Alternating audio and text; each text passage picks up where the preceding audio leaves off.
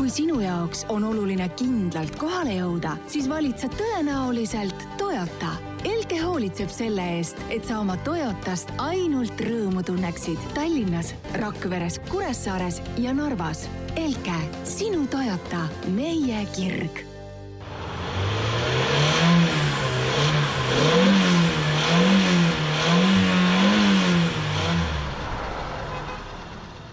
tere ja kena nädalakest kõigile, istmesoojendus on äh, jälle siin stuudios lindistamas oma saadet ja alustame siin kohe pauguga siis, et äh, meil on äh, see Facebooki loos Ott Tänaku filmile, mis on siin kaks nädalat on juba tiksunud ja, ja nüüd võtame siit ühe võitja ja see võitja on selline härrasmees nagu Ivari Lige, et palju õnne ja siis võtame kindlasti ka Facebookis ühendust.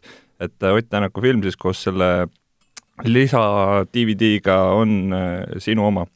Äh, aga nüüd äh, teemade juurde. alustame siis Ferrari teemadel. Ferraril on sellised toredad uudised, et ajal, kus kõigil autotootjatel on vesi kõvasti ahjus, kõik tehased on kinni pandud, rahad põlevad kõik arenduskulud on nagu täiesti korstnasse jooksnud, siis Ferrari'l noh, ütleme nüüd, et äh, laias laastus probleeme ei olegi.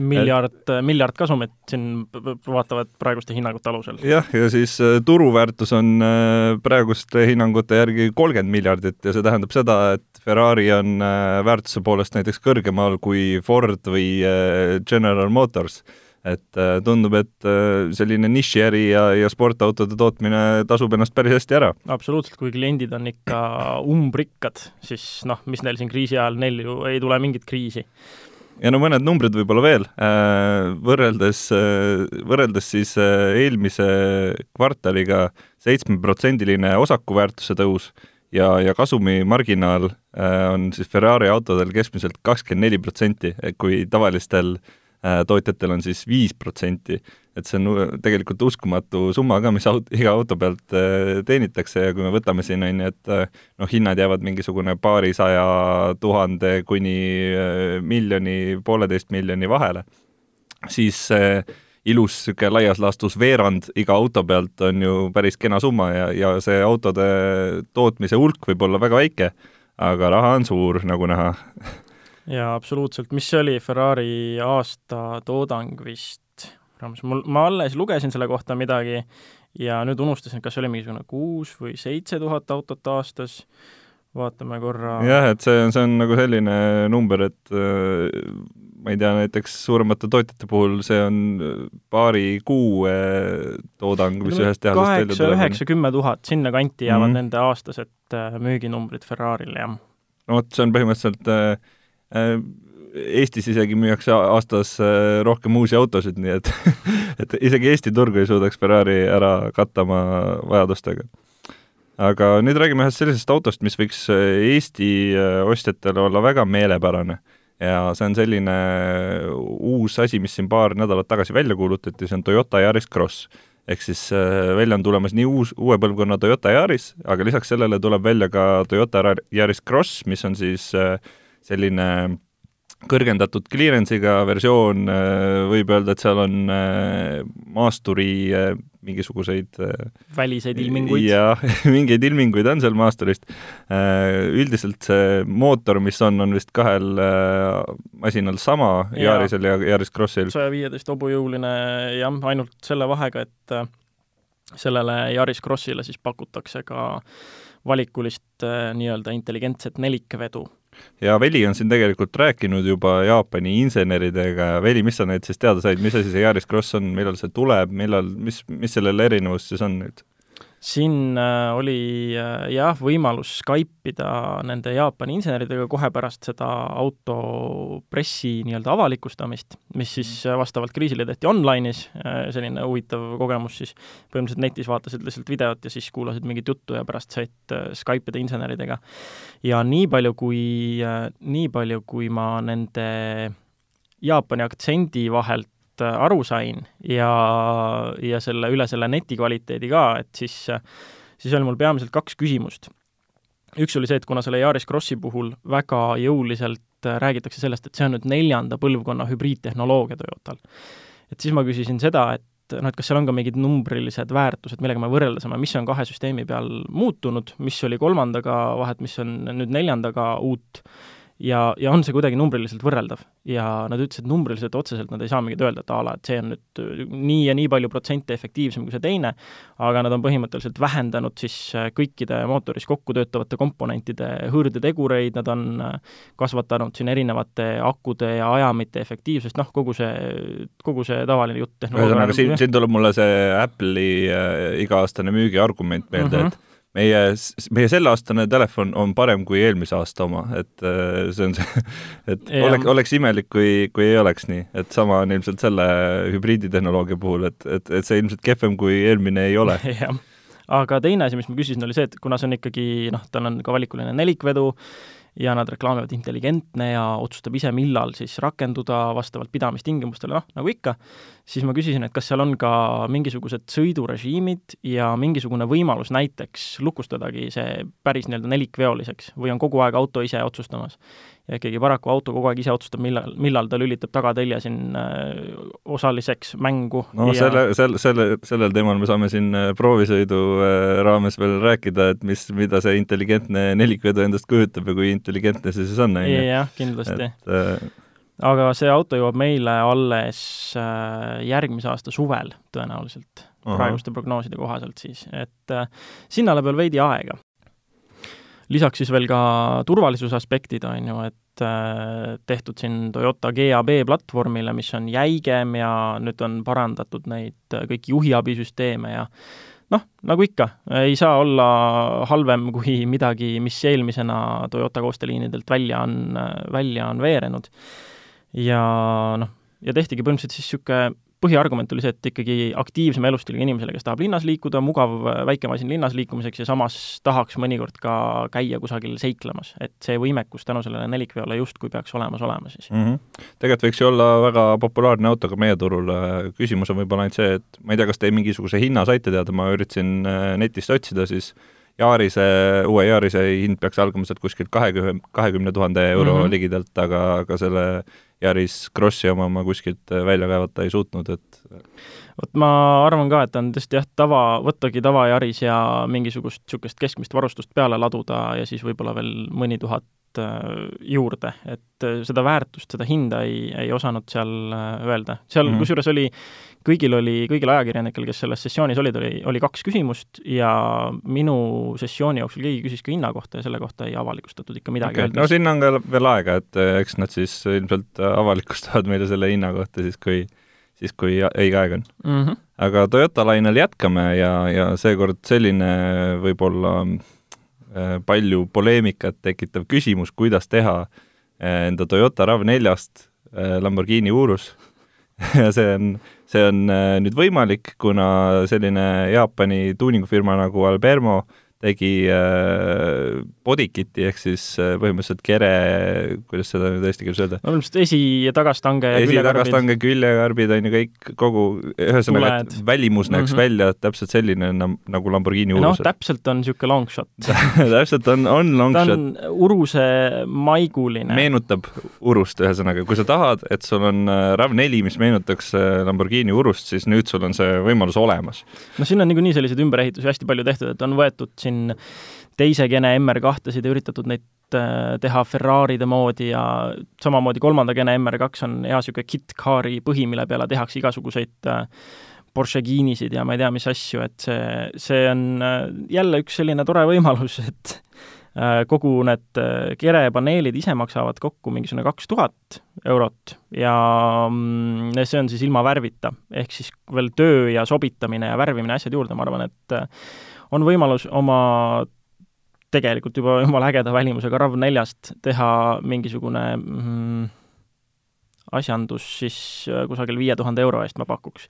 et kes vähegi tahab äh, näha, kuidas näeb välja urusemaiguline RAV4, siis äh, võib otsida RAV4 urus või siis sõna Albermo bodykit ja see tuleb välja, see on suhteliselt äh, omamoodi asi, et see, see turg on kusjuures jumala lai, ma vaatasin see on muidugi väga hea argument, mis sa ütlesid, et äh, viie tuhande euro eest sa võid teha oma väga kena välimusega RAV4-st mingisuguse asja. jah, no kui sa tahad eristuda ja nii, et tegelikult see, see selliste, selliste bodykittide teema, ma vaatasin ka Tai-, oli vist Taiwanis tuli mingisugune firma välja näiteks, kes teeb äh, mingisugune Honda, mida meil vist ei müüdagi, mingi Honda City või mingisugune säärane asi mm, -hmm. millele pakutakse siis kahte, kahte bodykit'i, üks on siis äh, uue Honda NSX-i suunitlusega ja teine on siis äh, Civic Type R-i suunitlusega, et äh, teebki kõik, äh, imiteerib järele neid äh, igasuguseid õhuvõtuavasid ja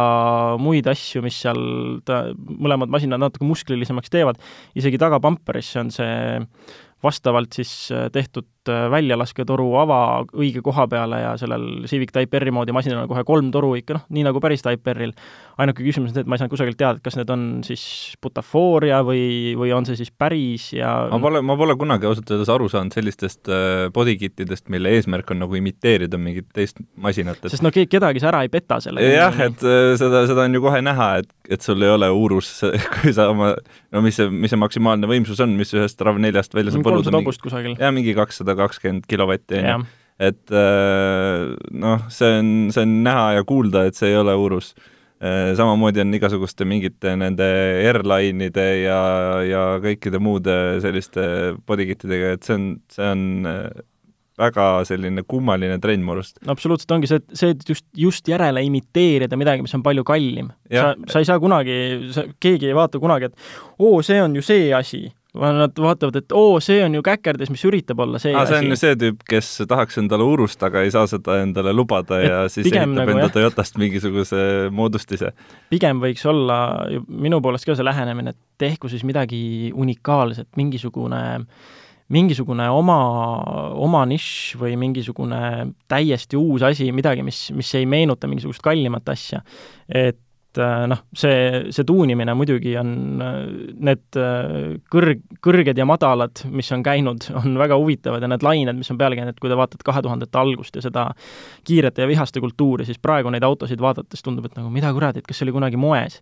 Kunagi viieteist aasta pärast me vaatame praeguse aja moodi, mis on need äh, mingid Rocket Bunny äh,, need samusedki koopalaiendid ja madaldatud masinad ja niisugune kerge, kerge kämber ja madalad autod ja stands ja kõik need asjad ja vaatame neile tagasi ja mõtleme, et mida kuradit, kas see oli äge või et noh, umbes samamoodi, nagu me tõesti praegu vaatame a la nendele Lambo ustele või noh, kuidas sa kutsud neid eesti keeles? Suicide doors uh,. Suicide doors on need, mis käivad vaata teistpidi. see on veel teine uh. asi. See on see, mis käivad nagu sõidusuuna mõttes yeah, siis lahti. aga need, mis käivad üles, just tiibuksed, vot tiibuksed, see sõna ei tahtnud meelde tulla, et uh, huvitavad moed muidugi ja asjad, aga vot ma, minu arvates on üks asi, mis on alati olnud, on see, et et need autod, mis üritavad olla midagi kallist, need on alati nagu olnud mida kuradit mees. et muude, muude tuunimismoodidega on vähemasti see, et mingil hetkel on see olnud nagu in ja tore. No ütleme niimoodi, et samas on ka kindlasti inimesi ju, kes, kellele see sobib, kellele see meeldib, sellepärast et turg on olemas, inimesed ostavad, järelikult äh, keegi on, kes ostab. seda küll, jah, ja noh, veel korra sellel samal lainel jätkates, et äh, näiteks seesama härrasmees, kelle juurde me kolleeg Uku Tamperega sõitsime Šotimaale mm, -hmm.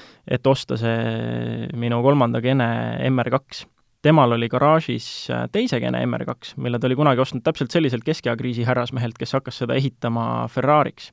Ja sellel oligi äh, siis jällegi asi, millel, mille kohta eestikeelset vastet vist ei ole, wide body kit, ühesõnaga lai äh,, laiemad äh, kerepaneelid ja põhimõtteliselt tehtud igalt poolt laiemaks, hästi laiad rattad ja nii edasi ja tema ka nagu natuke häbenes seda, et ütles, et ta ostis selle jah, ja siis ta hakkas seda kohe ümber tegema, tõsi, sellele oli vahele tõstetud V6 mootor, mis on põhimõtteliselt äh, kõige ägedam asi, mida sa MR2-le üldse teha saad, see on kõige suurem mootor, mis sinna vahele üldjoontes mahub, aga see oli ikkagi ka, see oli vist mingisugune Camry vabalt hingav väga väikse jõudlusega V6 mootor. Ja välimus oli nagu Ferrari'l kõik päris, päris hästi ära tabatud tegelikult. aga tema ka hakkas kohe, kui ta selle enda, enda kätte sai, ta hakkas tegema sellest oma asja ja praeguseks ta on siis olukorras, kus ta on sellele lasknud teha siin äh, šassii külge kinnituva spoileri ja difuusori ja see on tal nii lai, et ta reaalselt, äh, ta ütles, et ta mingil hetkel peab tõenäoliselt omal garaaži ukse sisse nagu selle auto nii-öelda puusade jaoks lihtsalt saega lõiked tegema, et see välja mahuks.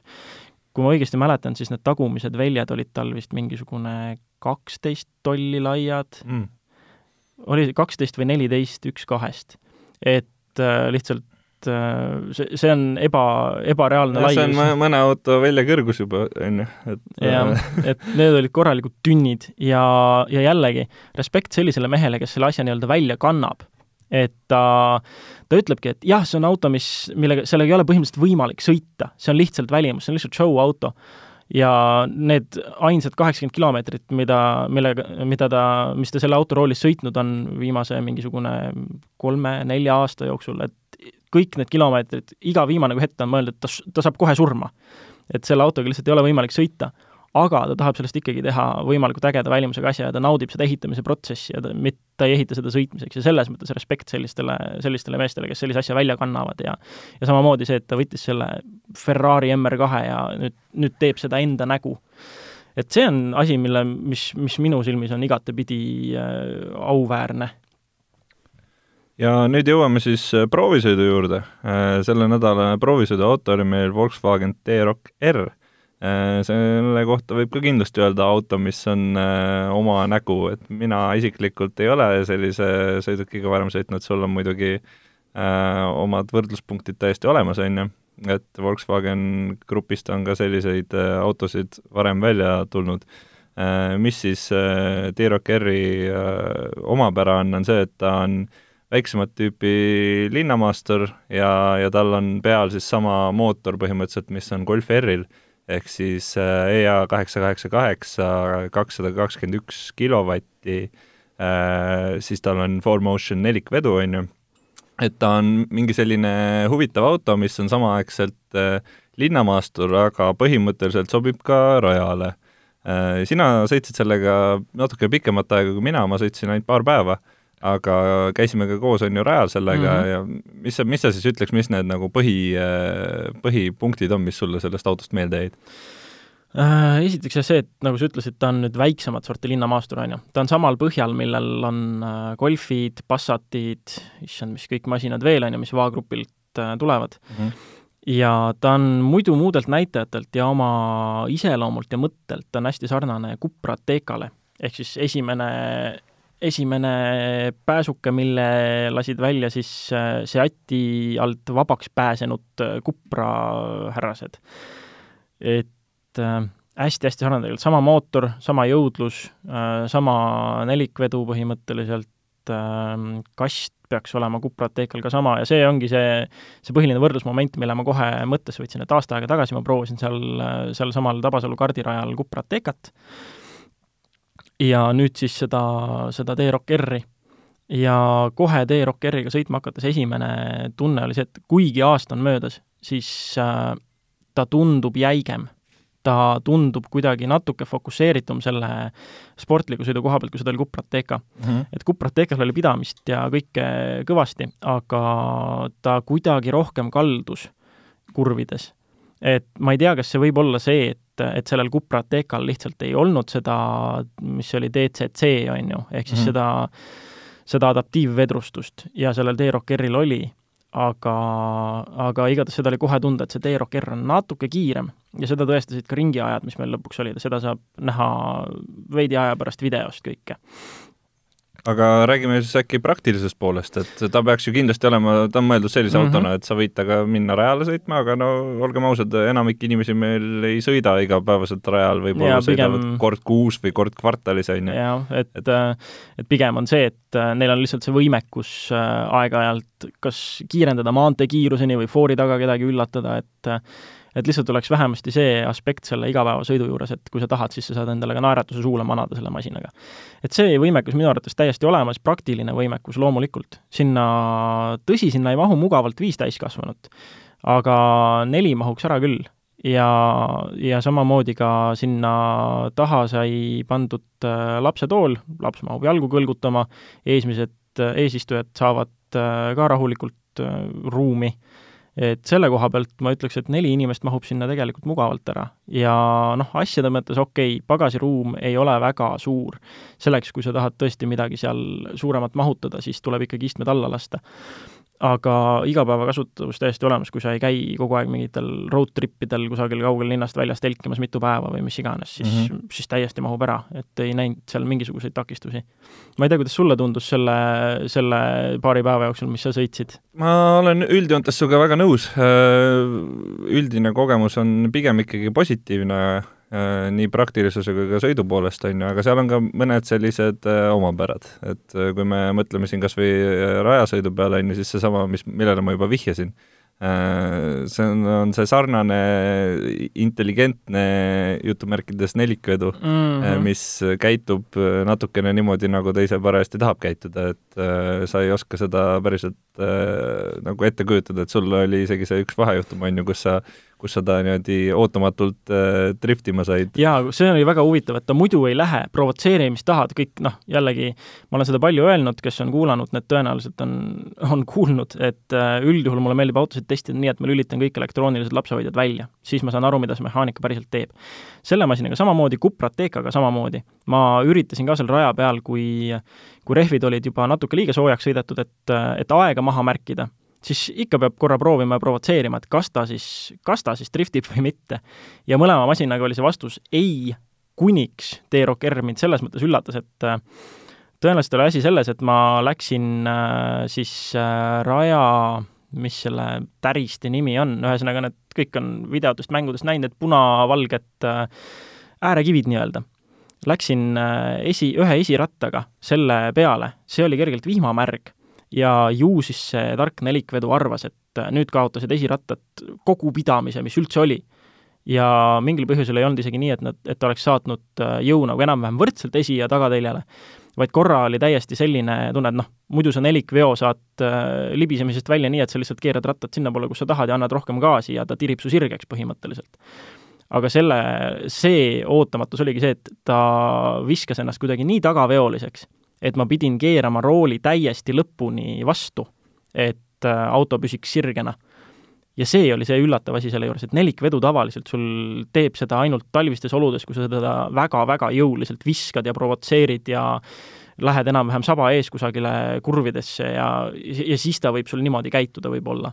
aga see oligi üllatav, et tõenäoliselt see vihmamärg ja väga libe seesamunegi piire pettis ta lihtsalt niimoodi ära, et ta, ta täiesti ootamatult viskas külje ette. ma selle peale ei saa öelda, et, et jah, see masin driftib, ma saan öelda, et ta, ta ehmatab ära ja teeb vahepeal selliseid asju.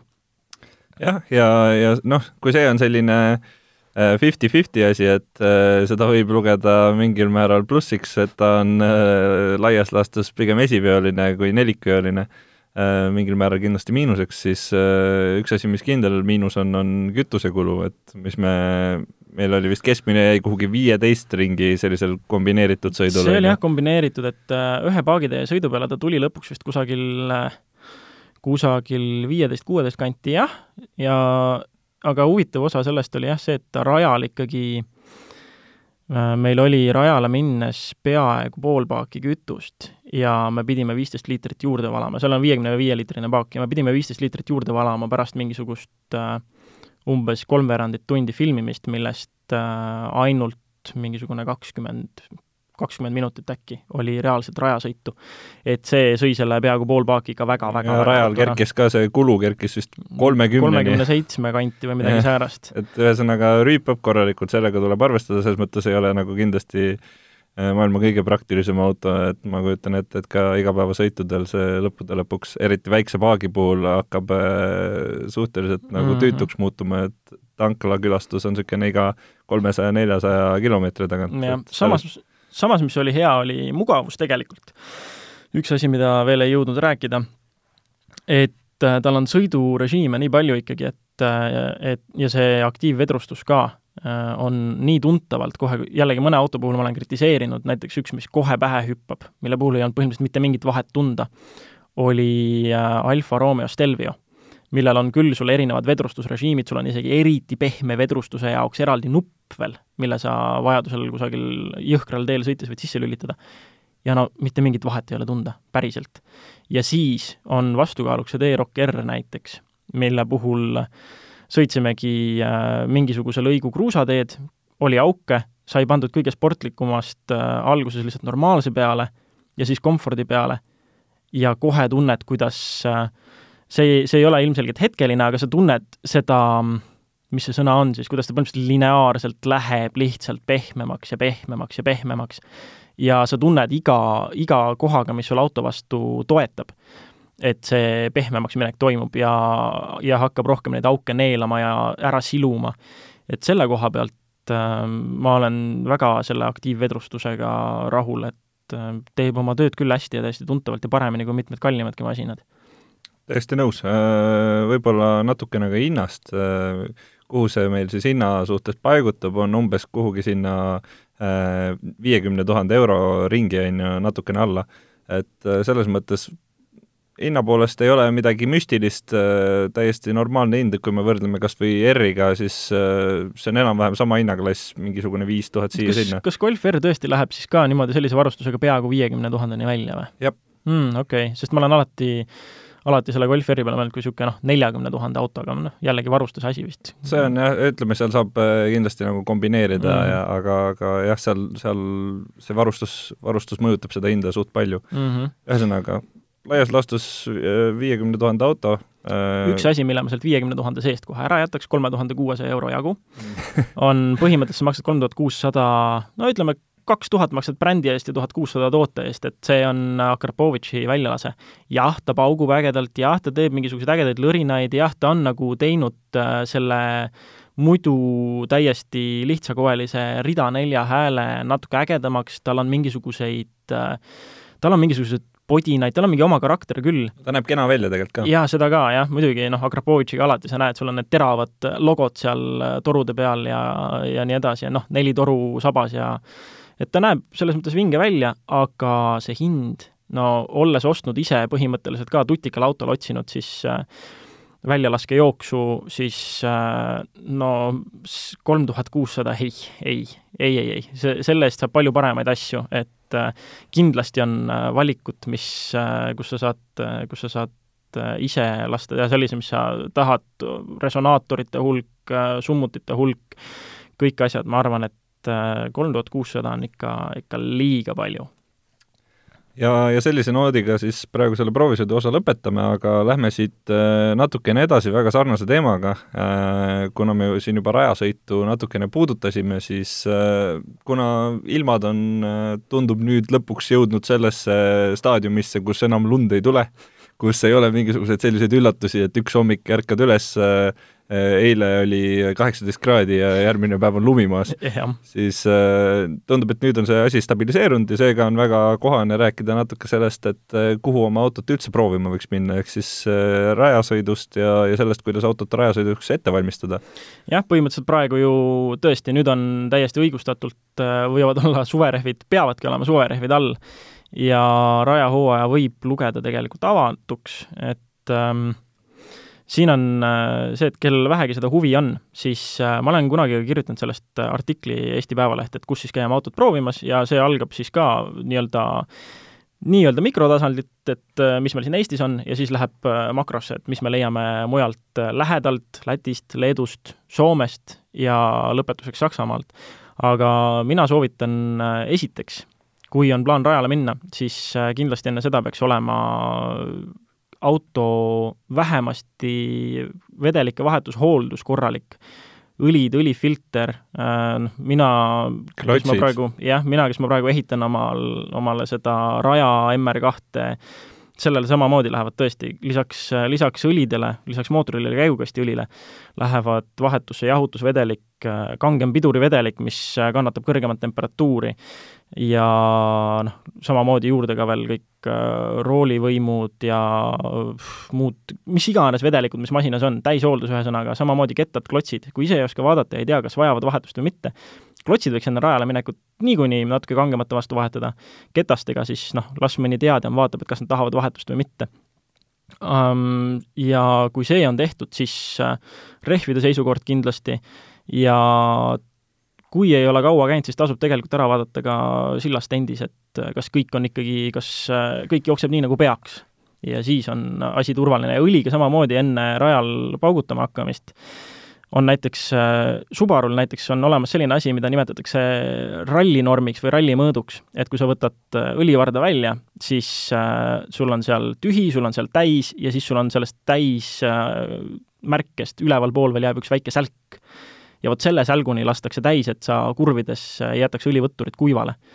Sest äh, reaalselt, kui sul on pikad, kauakestvad kurvid, mis hoiavad sul äh, ühele poole tugevat külgmist G-jõudu, siis äh, kui sa õlivõtturi sellises kurvis kuivale jätad, siis sul piisab maksimaalselt kümnest, tõenäoliselt isegi viiest sekundist mootoril, mootori kõrgel pöördel ja see metall metalli vastu, kui see õlikiht sealt vahelt ära kaob, no sa lased lihtsalt ploki ja kõik selle sisu prügiks põhimõtteliselt väga ruttu. et äh, vaadata kindlasti, et õli oleks äh, täis kuni, kuni nii-öelda sälguni. ja, ja siis, kui vaadata, kuhu me minna saame Eestis üldse, mulle meeldib jällegi alustada väikselt. Tabasalu kardirada on äh, Tallinnale väga lähedal, ta on niisugune, ütleme, neljakümne kuni viiekümne sekundine ring, siis kui sa sõidad sellise keskklassi kähkusõitjaga oh,. see on tegelikult hea märksõna, äh, mis ma tahaks ühe mõtte mm, -hmm. ühe mõtte siia lisada et absoluutselt sul ei pea olema mingisugust äh, eripärast autot selleks, et minna ja, ja sõita piiri peal või katsetada seda, kuidas see auto käitub ja see on täiesti okei okay minna ka nii-öelda mõistliku hinnaga täiesti tavalise autoga, et kui me võtame, no ideaalne näide sellest minu arust on see äh, Top Gear'i see nii-öelda kuulsuste see edetabel mm, -hmm, kus nad mhm. sõidavad seal raja peal, on ju, siis ka kui sa võtad ühe suvalise väikse auto, lähed sellega sõitma, siis see on tegelikult väga lõbus kogemus ikkagi. Ja, ja ma võin isegi öelda, et see on võib-olla isegi lõbusam kogemus selles mõttes, et see auto äh, selle auto piirideni jõudmine sellisel väiksel rajal on oluliselt lihtsam, see kogemus on äh, oluliselt äh, huvitavam ja, ja teistsugusem. et selles mõttes ei tasu karta seda, et, et sul peab olema mingisugune hullult eriline auto, et sinna minna mine kas või oma mis iganes kümme-viisteist aastat vana liikuriga, mis sul on ja, ja mine ja proovi ja lõbutse natukene. täiesti nõus, ei pea olema mingisugune ulmeline masin, nagu sa ütlesid, see piiride kättesaamine, see tuleb lihtsamini nendega. Ja tegelikult, mis on rajasõiduga alustades äh, minu arvates oluline, ei ole tõesti mitte see, et sul on vinge auto ja sa hakkad muudkui noh, mida sa selle vinge autoga ikka teed, kui sa ei ole rajal eriti, kui sul ei ole erilist kogemust ongi see, et tegelikult võtta, mis, miks on nende kergete ja väikse võimsusega autode võlu nii suur, Mazda Miata näiteks, noh, MX-5, et sa saad selle auto piirid, selle aut-, enda auto jõu ja pidamise piirid suhteliselt kiiresti kätte, selleks ei ole suuri kiirused vaja, selleks ei ole vaja selliseid kiiruseid, et kui sa nüüd äh, matsu paned, siis on kabel, kõik. sa jõuad nende piirideni väga ruttu ja sa õpid sellise masinaga sõitma piiri peal järjepidevalt ja see on see asi, mis on oluline, sest kui sul on mingisugune kõva Porsche või mis iganes asi, siis jah, sirgetel on lõbus, saad suure kiiruse kätte, aga ma soovitan minna ja vaadata mingeid Nürburgringi videoid näiteks, kus on need nii-öelda äh, avatud rajapäevad, kus saavad sõita sul mis iganes masinad. Ja vaadake mõnda oskaja, oskajamat sõitjat mingisuguse panniga vaadake, kui paljudest R8-test ja Porschedest ja Ferraridest ja asjadest nad tavaliselt ühe ringi jooksul mööda panevad.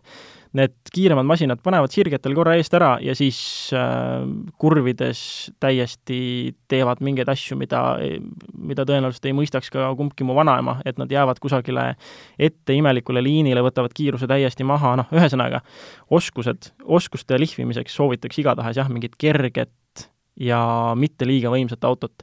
ja alustada jah, nagu ma ütlesin, väiksem rada, Tabasalu kardirada näiteks on väga hea, ta on lihtsalt mugav, ta on lähedal. samamoodi on Rapla kardirada, äh, mis, mis, kus saab samamoodi käia, käia harjutamas. seal käivad äh, mingil põhjusel hästi palju driftijad harjutamas näiteks.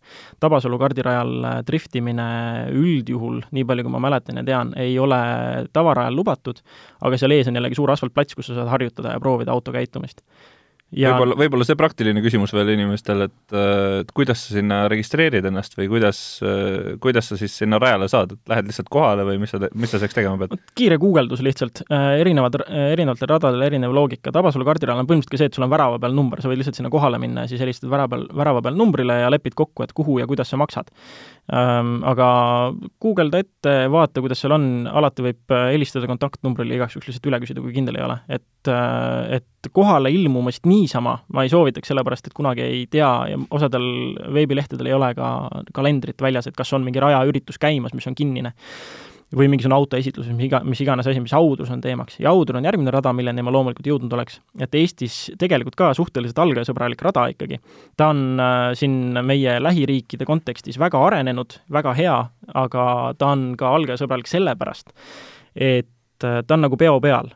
sa näed kõiki kurve, seal ei ole mingisuguseid äh, jõhkraid negatiivse kaldega kurve, mis viskavad sind välja, kui sa ei oska sinna õigesti ja õige sõidujoone peal minna et seal on mõned, seal on mõned sissepoole kaldega kurvid nii-öelda, mis pigem just hoiavad sind suurema kiirusega sees.